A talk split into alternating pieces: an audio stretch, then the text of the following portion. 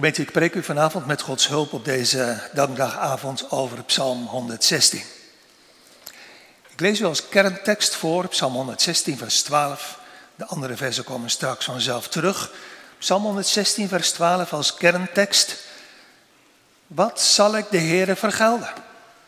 Voor al zijn weldaden aan mij bewezen. Thema voor de preek is een verlegen vraag op dankdag. Een verlegen vraag op dankdag, drie punten. We letten in de eerste plaats op grote nood. In de tweede plaats op genadige verlossing. En in de derde plaats op hartelijke dankbaarheid. Kinderen, jongens en meisjes. Misschien is deze psalm wel je lievelingspsalm. God heb ik lief. Want die trouwe Heer hoort mijn stem, mijn smekingen, mijn klagen. Voor veel van de kinderen van de Heer is ook deze psalm hun lievelingspsalm. Omdat we er zoveel in herkennen van ons eigen leven. Van ellende, verlossing en dankbaarheid. Wie deze psalm ooit schreef, dat weten we eigenlijk niet. Misschien was het David, misschien was het later Hiskia, misschien is het iemand anders geweest. Maar wie het ook was, hij begint in vers 1 en 2 met een hartelijke uiting van zijn liefde, van zijn liefde terug, van zijn wederliefde tot God. Ik heb lief, want de Heere hoort mijn stem, mijn smekingen, want hij neigt zijn oor tot mij. Daarom zal ik hem in mijn dagen aanroepen. Hou je jongelui ook zoveel van de Heer. Want? Nou, omdat Hij je stem hoort, je bidden, je roepen tot Hem. Omdat Hij zijn oor naar jou toe neigt. En dus zeg je, hoop ik, zal ik mijn leven lang niet anders doen dan Hem aanroepen. Mijn leven lang zal ik om alles van mijn leven, in de stilte van mijn gebeden, roepen tot Hem, tot God.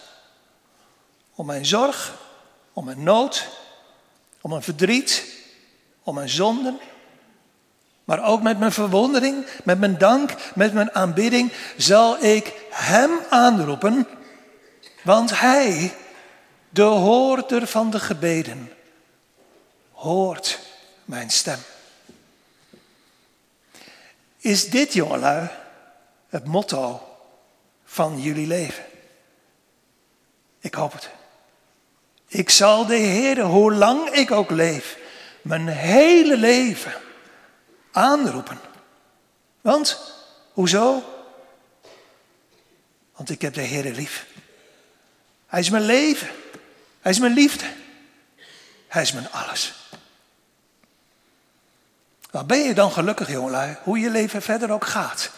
Want, want de Heere luistert naar, de Heere hoort degenen die Hem aanroepen.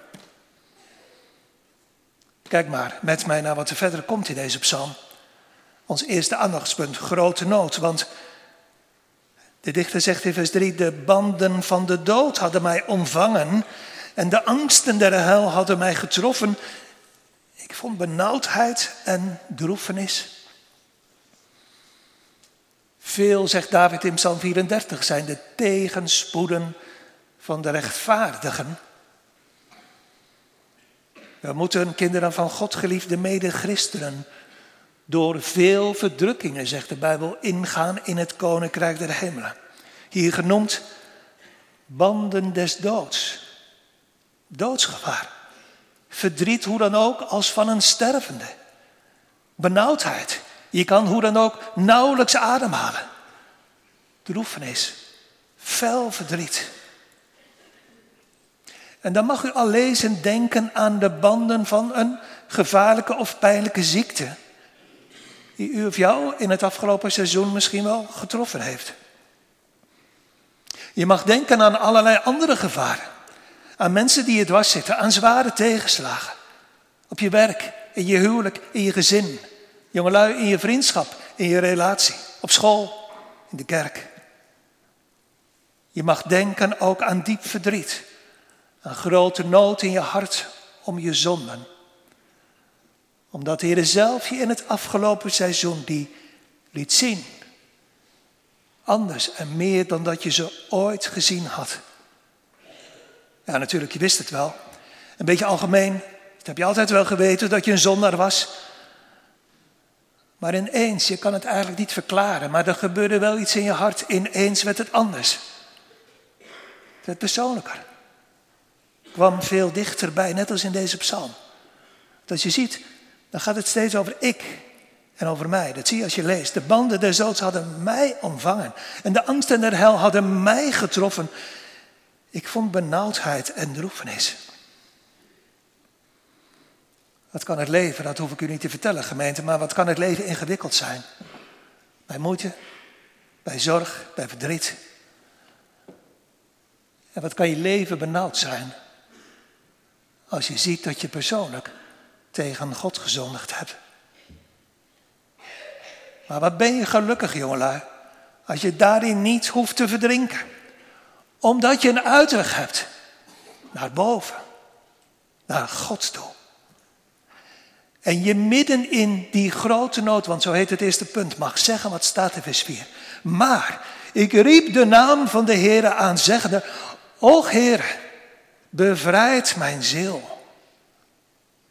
Ik riep om, om een oplossing. Nee, goed lezen. Ik riep om mijn God. Heel gericht de naam van de Heer. De naam van de trouwe God van het verbond. De naam van de God van zijn volk. Die in het verleden zijn volk nooit heeft laten verdrinken. Maar die altijd uitkomst gaf. Zelfs in de grootste nood. Toen Israël stond, bijvoorbeeld voor de Rode Zee, heette adem van Farao in hun nek. Maar de Heere wilde uitkomst geven. Hij baande een weg waar tevoren geen weg was. En dus gaat de roep van de dichter hier naar boven. Heere, maar, maar u bent toch dezelfde gebleven. Geef dan ook nu uitkomst, o Heere, en verlos ons. En dan? Afwachten maar of je geluk hebt of, of niet. Dan kijk maar naar vers 5. De Heer is genadig en rechtvaardig. En onze God is ontfermend. Twee dingen. De Heer is rechtvaardig. Hij is de rechtvaardige betaling van onze schuld vanwege onze zonde. Maar, tweede, in en om de Heer Jezus Christus is God ook genadig en ontfermend. En dat is de reden dat een andere dichter, misschien wel dezelfde in Psalm 33 zingt, in de grootste smarten blijven onze harten in de Heere gerust. In het grootste verdriet van dit leven. Want, want de Heere is mijn helper. En, en zijn gunst is, is wat er ook gebeurt oneindig groot.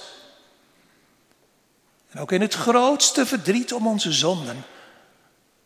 Want in zondernood door de Heer gewerkt is geen wanhoop.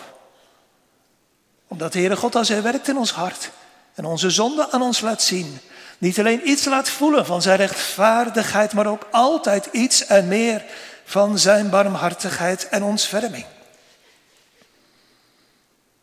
De Heere vers 6 bewaart de eenvoudige.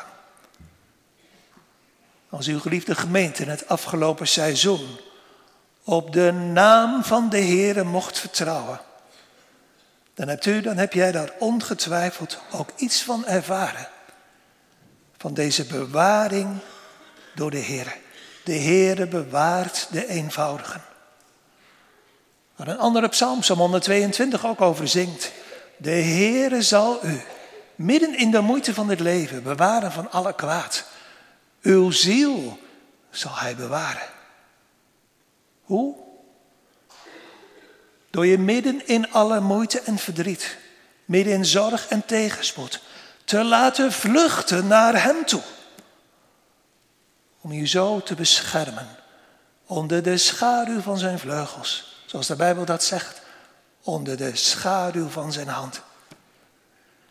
En dan kwam in het afgelopen seizoen het water misschien tot, wel tot aan je lippen, maar je ging nooit kopje onder. De dichter zegt het, ik was uitgeteerd, doch maar hij heeft mij verlost.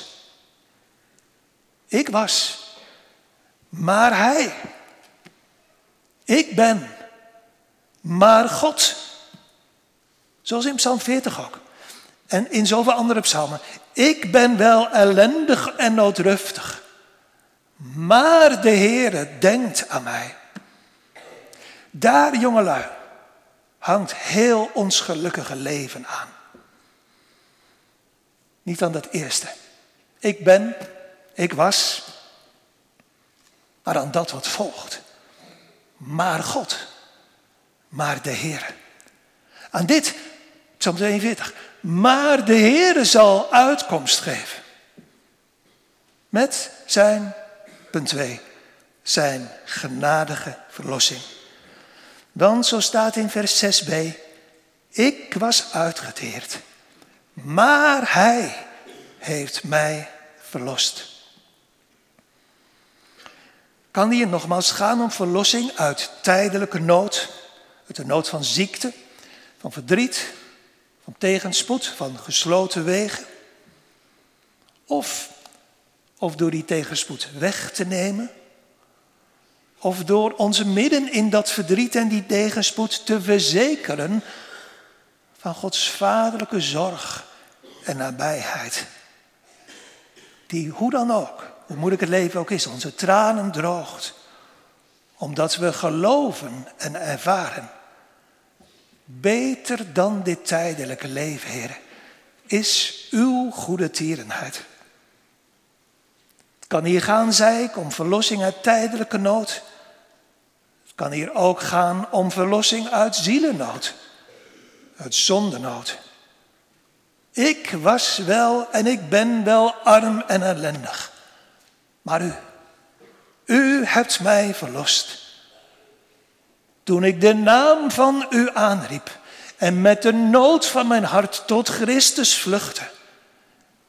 En met Bartimeus uitriep, zonen Davids, ons verm over mij. En zo is onze God.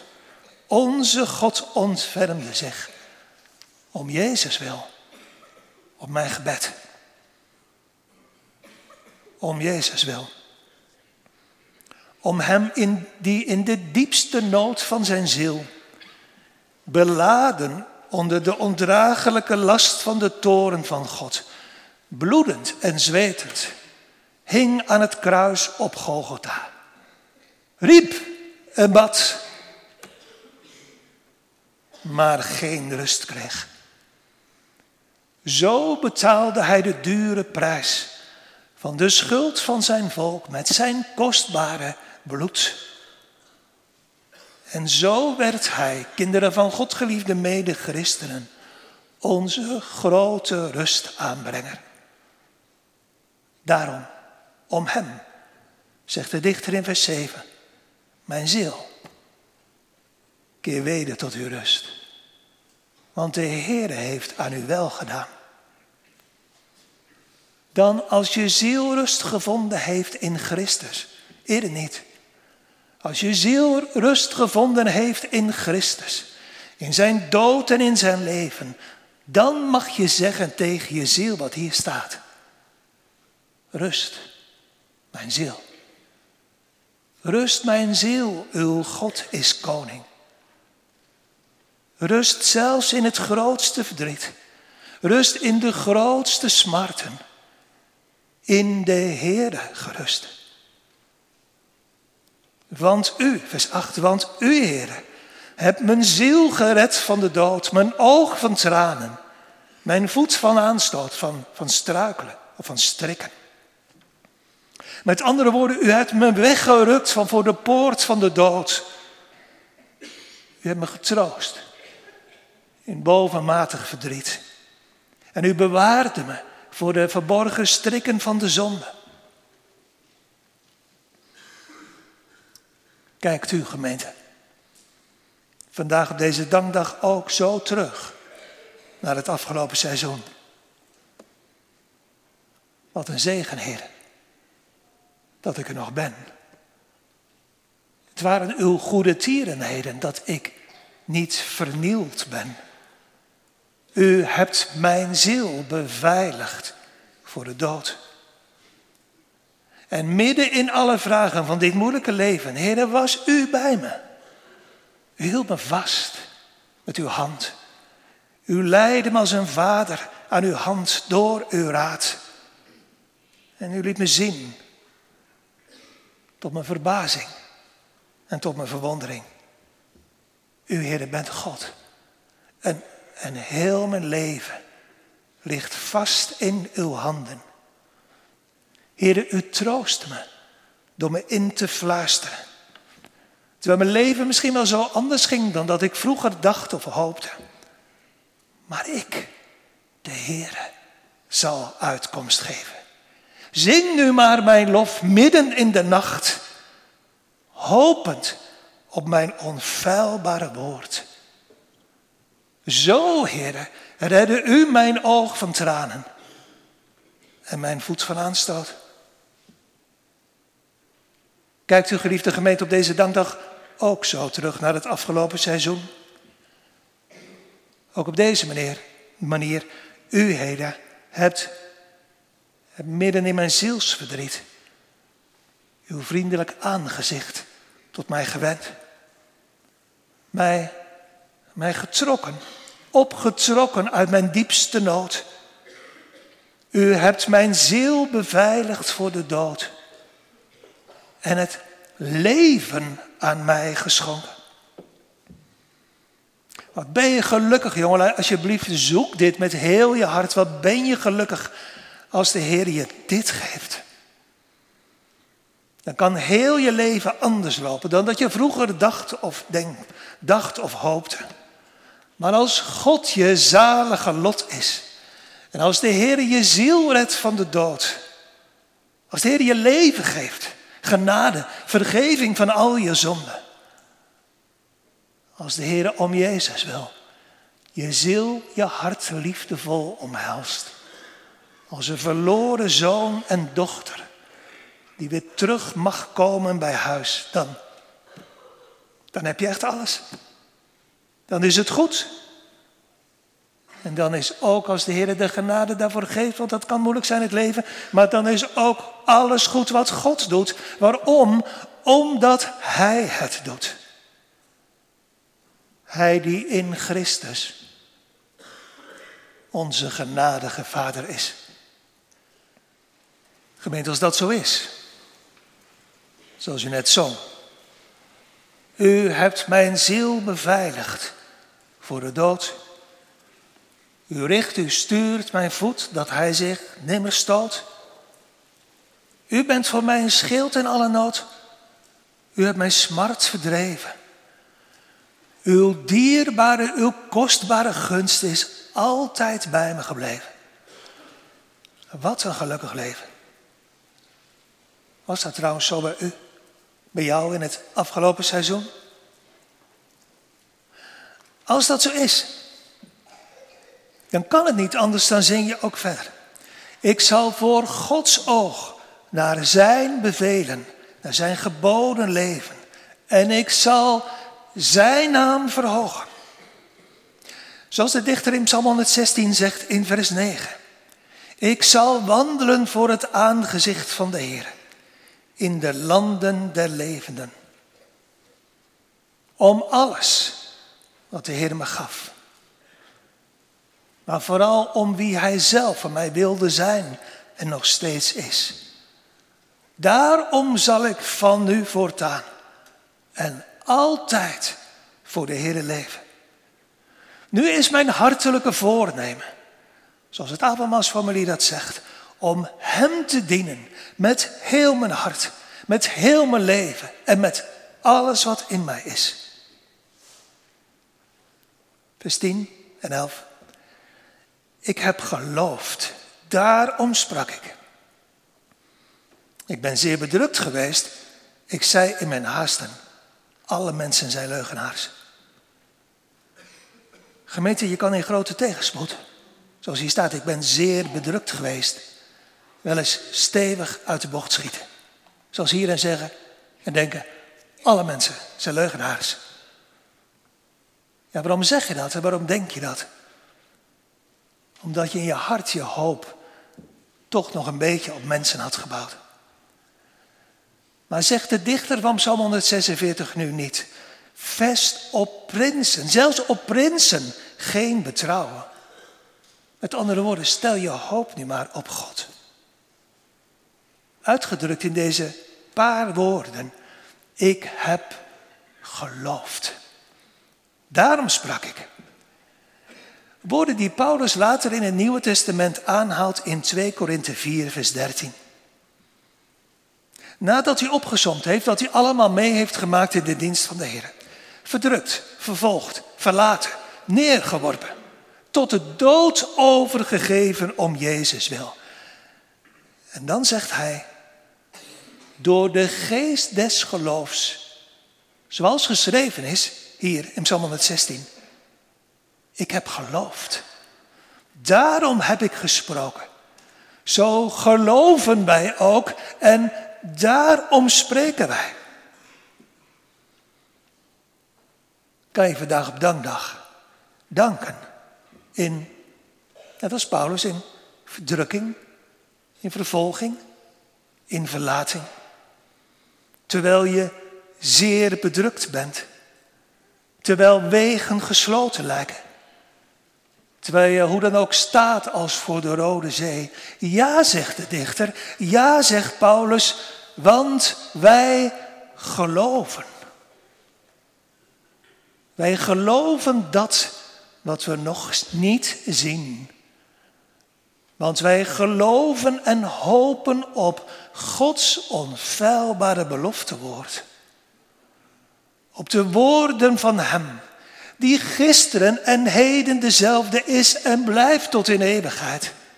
Op de woorden van God, die nooit één van zijn woorden op de aarde liet vallen. Zou Hij het zeggen en niet doen? Spreken en niet bestendig maken? Op zijn tijd, dan zal hij spreken, zegt de dichter, en het is er. Hij zal gebieden en het staat er. We hopen, kinderen van God geliefde medechristenen, op de naam des Heeren. En roepen hem aan midden in onze nood. En hij zal uitkomst geven. En dus is er reden, hoe het ook gaat. En hoe ingewikkeld ons leven misschien ook is. Zelfs midden in grote benauwdheid. Midden in tegenspoed. Ziekte, gevaar, rouw. Zelfs staande voor gesloten wegen. Dus is er reden om, hoe het ook gaat, dankdag te houden. En dan niet met benepen woorden van dank, omdat het allemaal zo onzeker en moeilijk is, maar vrijmoedig en met heel ons hart. Want God, God is een waarmaker van zijn woord. En die de Heere verwachten, zullen niet beschaamd worden. En dus, zeg met de dichter in uw hart, met hem, met mij, u allen die op de Heere hoopt, hoe het ook gaat. En wat er allemaal ook gebeurd is en gepasseerd is in het afgelopen seizoen. Wat staat in vers 12? Wat zal ik de Heere vergelden voor al zijn weldaden aan mij bewezen? Terugkijkend, terugdenkend naar en aan alles wat de Heer deed en wat hij gaf in het tijdelijke leven. De Heer gaf ons leven, gezondheid, kracht. Ons brood was zeker, ons water gewis. De Heer onderhield ons en zegende ons dagelijks met zijn persoonlijke zorgen voor ons. Terugkijkend ook naar wat de Heer deed en gaf in het geestelijke leven. gaf de Heer u in het afgelopen seizoen geestelijk leven in uw hart? Honger, dorst naar Christus, hoop, verlangen, genade, vergeving, meer liefde tot God, meer haat tegen de zonde,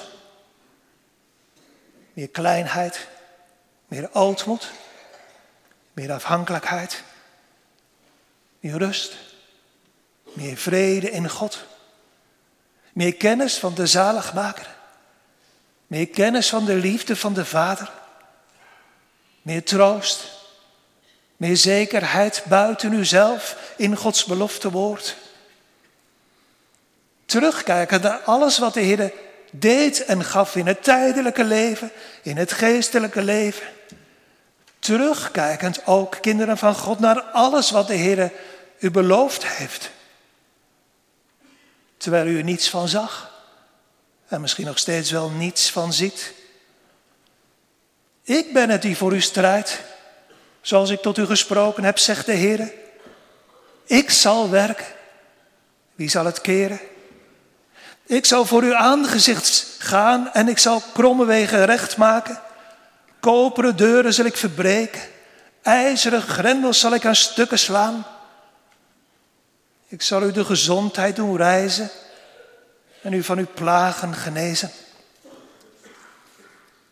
Zegt u dan terugkijkend met mij niet, kinderen van God, geliefde broeders en zusters in de Heer. Kom, laat ons samen de Heere verhogen. Zegt u dan niet met mij en met deze dichter, wat staat in vers 12, wat zal ik de Heere vergelden voor al zijn weldaden aan mij bewezen? Dit is eigenlijk een vraag en dat voelt u met me mee en van grote verlegenheid.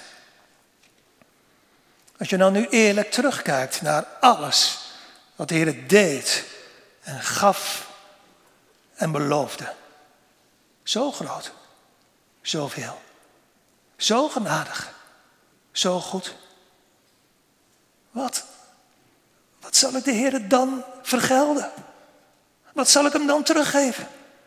Dat is gewoon niet mogelijk. Klopt. Dat is ook niet mogelijk. En het is eerlijk gezegd ook de bedoeling niet. Het hoeft ook niet, het kan zelfs niet. Want er is gewoonweg niets wat we naar evenredigheid aan de Heer zouden kunnen teruggeven. En daarbij, God heeft ook niets van ons nodig. Denk maar aan wat Asaf zingt in Psalm 50. Ik zeg, de Heer zal uit uw huis geen var nemen hoor. En ook geen bokken uit uw kooien. Want al het gedierte des wouds is van mij. Al de beesten op duizend bergen. Ik ken al de vogels op de bergen. En het wild van het veld is bij mij. Zo mij hongerde, ik zou het u niet zeggen. Want voor mij is de wereld en haar volheid. We kunnen, behoeven God niets terug te geven.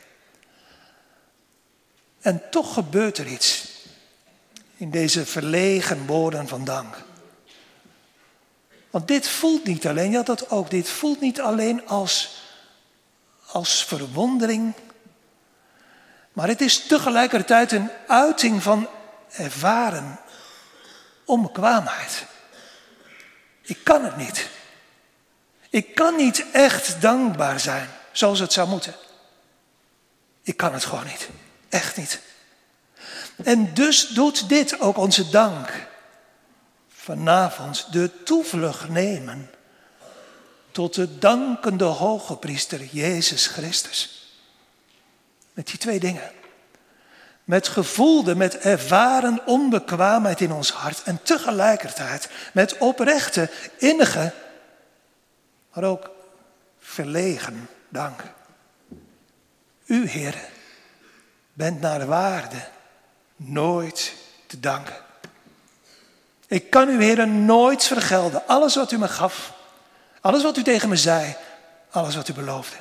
Ik kan u nooit danken zoals ik u zou moeten danken. En dus vraagt ook mijn dank om verzoening door het bloed van de Heer Jezus Christus.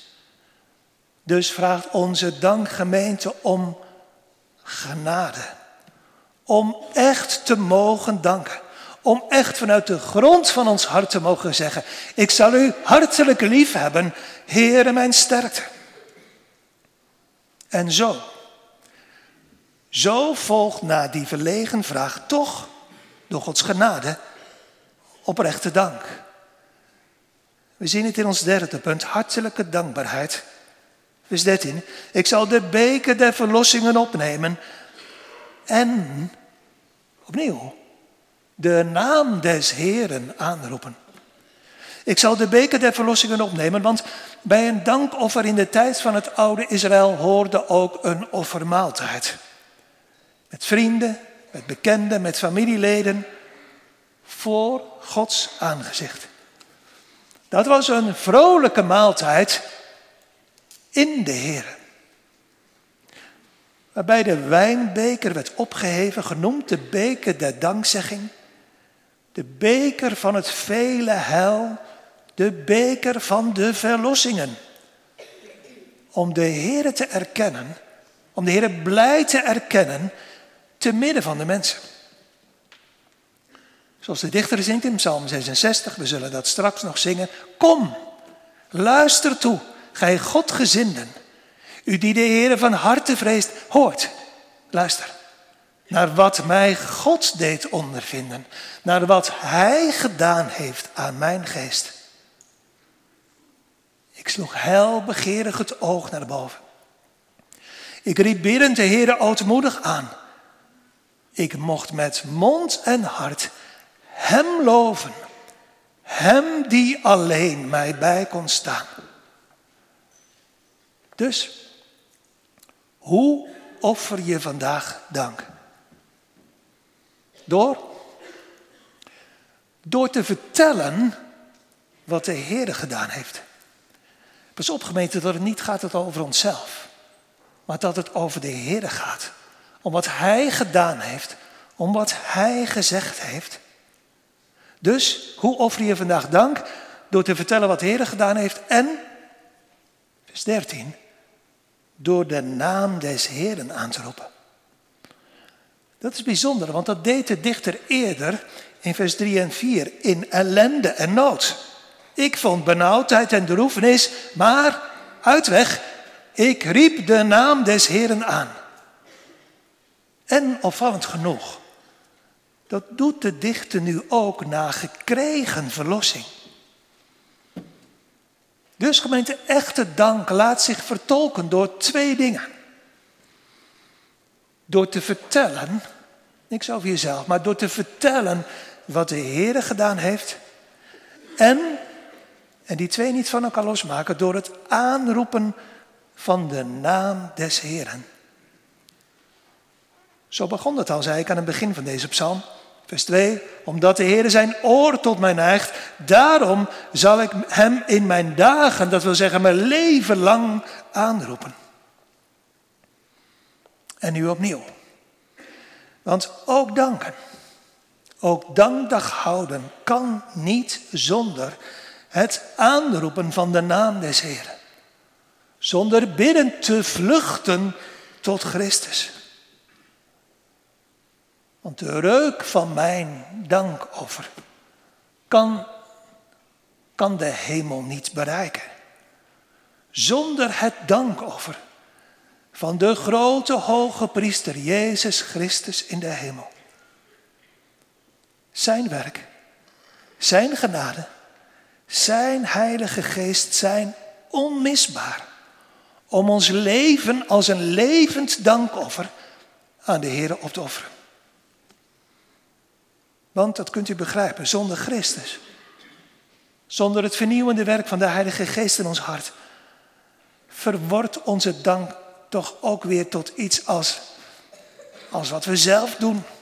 En waar we zelf de eer van willen krijgen. Kijk mij eens, hoe dankbaar christen ik ben. Daarom is het nodig, gemeente, om de naam des Heeren midden in onze dank aan te roepen.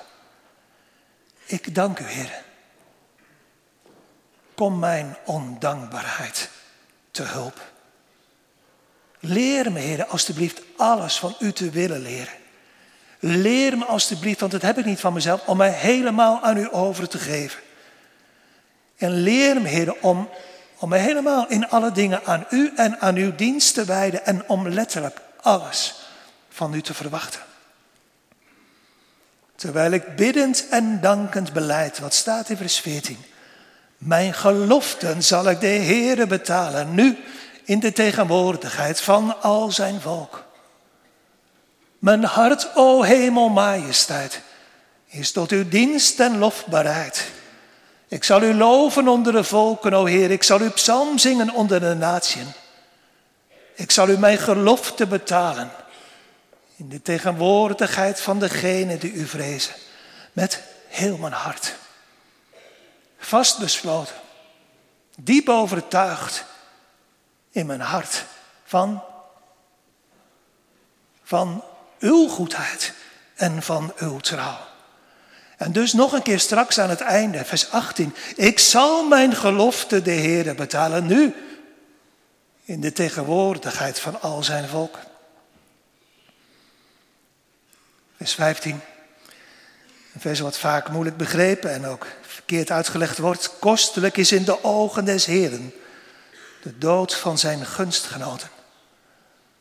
Wat zoveel betekent als mijn leven, o Heer, was in uw ogen te kostbaar. Te kostbaar en dus hebt u me niet overgegeven in de handen van mijn vijanden. In de handen van de dood. En dus opnieuw innige dank, vol blijdschap, vol verwondering in vers 16. O Heer, zeker, ik ben uw knecht. Nog een keer, ik ben uw knecht, een zoon van uw dienstmaagd. U hebt mijn banden losgemaakt. De Heer leidt als een goede vader zijn lieve kinderen vaak door moeilijke wegen. Door wegen van verdrukking en zoals hier genoemd worden, banden die je als een gevangene vastbonden. Banden waaruit je jezelf niet, niet kon bevrijden. Uit die, begin van de psalm, banden des doods, uit die angsten der hel. Maar nu klimt hier de lof uit de diepte omhoog.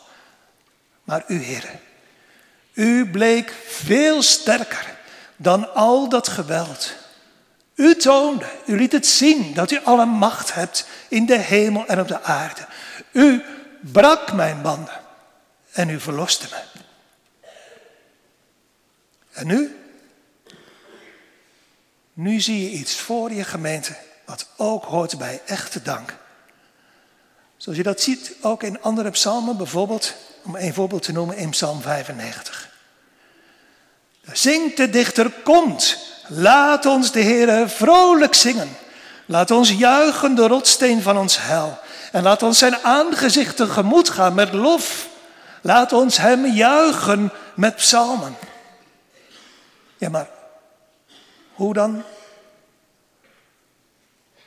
paar versen verder. Kom, laat ons aanbidden. Laat ons nederbukken. Laat ons knielen voor de Heer die ons gemaakt heeft. Zo knielen ook wij in onze harten, niet waar, vanavond, voor de Heer neer kinderen van God, geliefde mede-christenen. O Heer, zeker, ik ben uw knecht. Ik ben een dienstmaagd. Nog een keer, ik ben uw knecht. Een zoon, een dochter van uw dienstmaagd.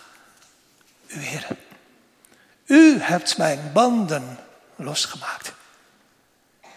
Ik buig diep voor u, o Heer, die mij gemaakt hebt, die mij gedragen hebt die mij verlost hebt, die mij gered hebt. Ik ben uw knecht, ik ben uw dienstmaagd tot tweemaal toe. En daarbij nog met de toevoeging, zekerlijk, zeker. Waar we in zien dat de Heer ons in die weg, kinderen van God, meer zekerheid wil geven. Door de weg van?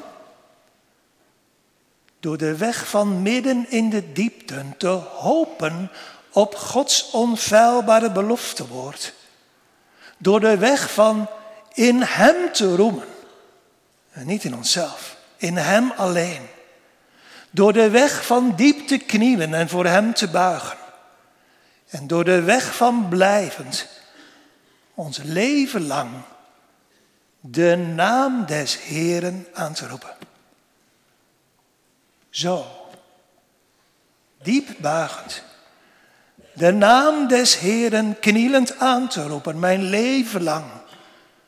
Zo zal ik, zingt de dichter, met hart en mond, o Heere, uw naam verhogen en uw eer. Omdat u, hoort u, het gaat allemaal over u, omdat u mij uw bijstand bood en mij optrok uit de diepste nood, zodat de vijand in mijn lijden zich over mij niet mocht verblijden. Tot slot de laatste drie versen.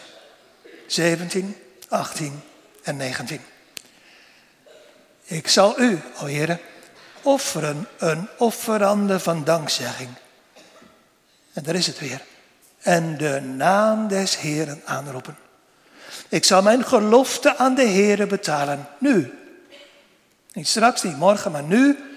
In de tegenwoordigheid van al zijn volk in de voorhoven van het huis des Heren, in het midden van u, o Jeruzalem. Dit is de plaats, hier. Dit is de plaats, kinderen van God geliefde medechristenen, om de Heere vandaag ootmoedig te danken. Nu mag u, nu mag u voor de weldaan die u genoot aan Hem, naar al uw geloften, eer bewijzen. Hem onder al zijn gunstgenoten prijzen. Laat uw lof aan Hem nou niet over aan andere mensen. Maar prijs Hem in het midden van de gemeente. Hier in het huis des Heren. Loof Hem. En, en dat is het, de betekenis van het woord halleluja. Loof Hem en prijs de Heer. Loof de Heer, want de Heer is goed. Psalm zingt zijn naam, want hij is lieflijk. Loof de Heer, want hij is goed. Want zijn goede tierenheid is in der eeuwigheid. Halleluja. Amen.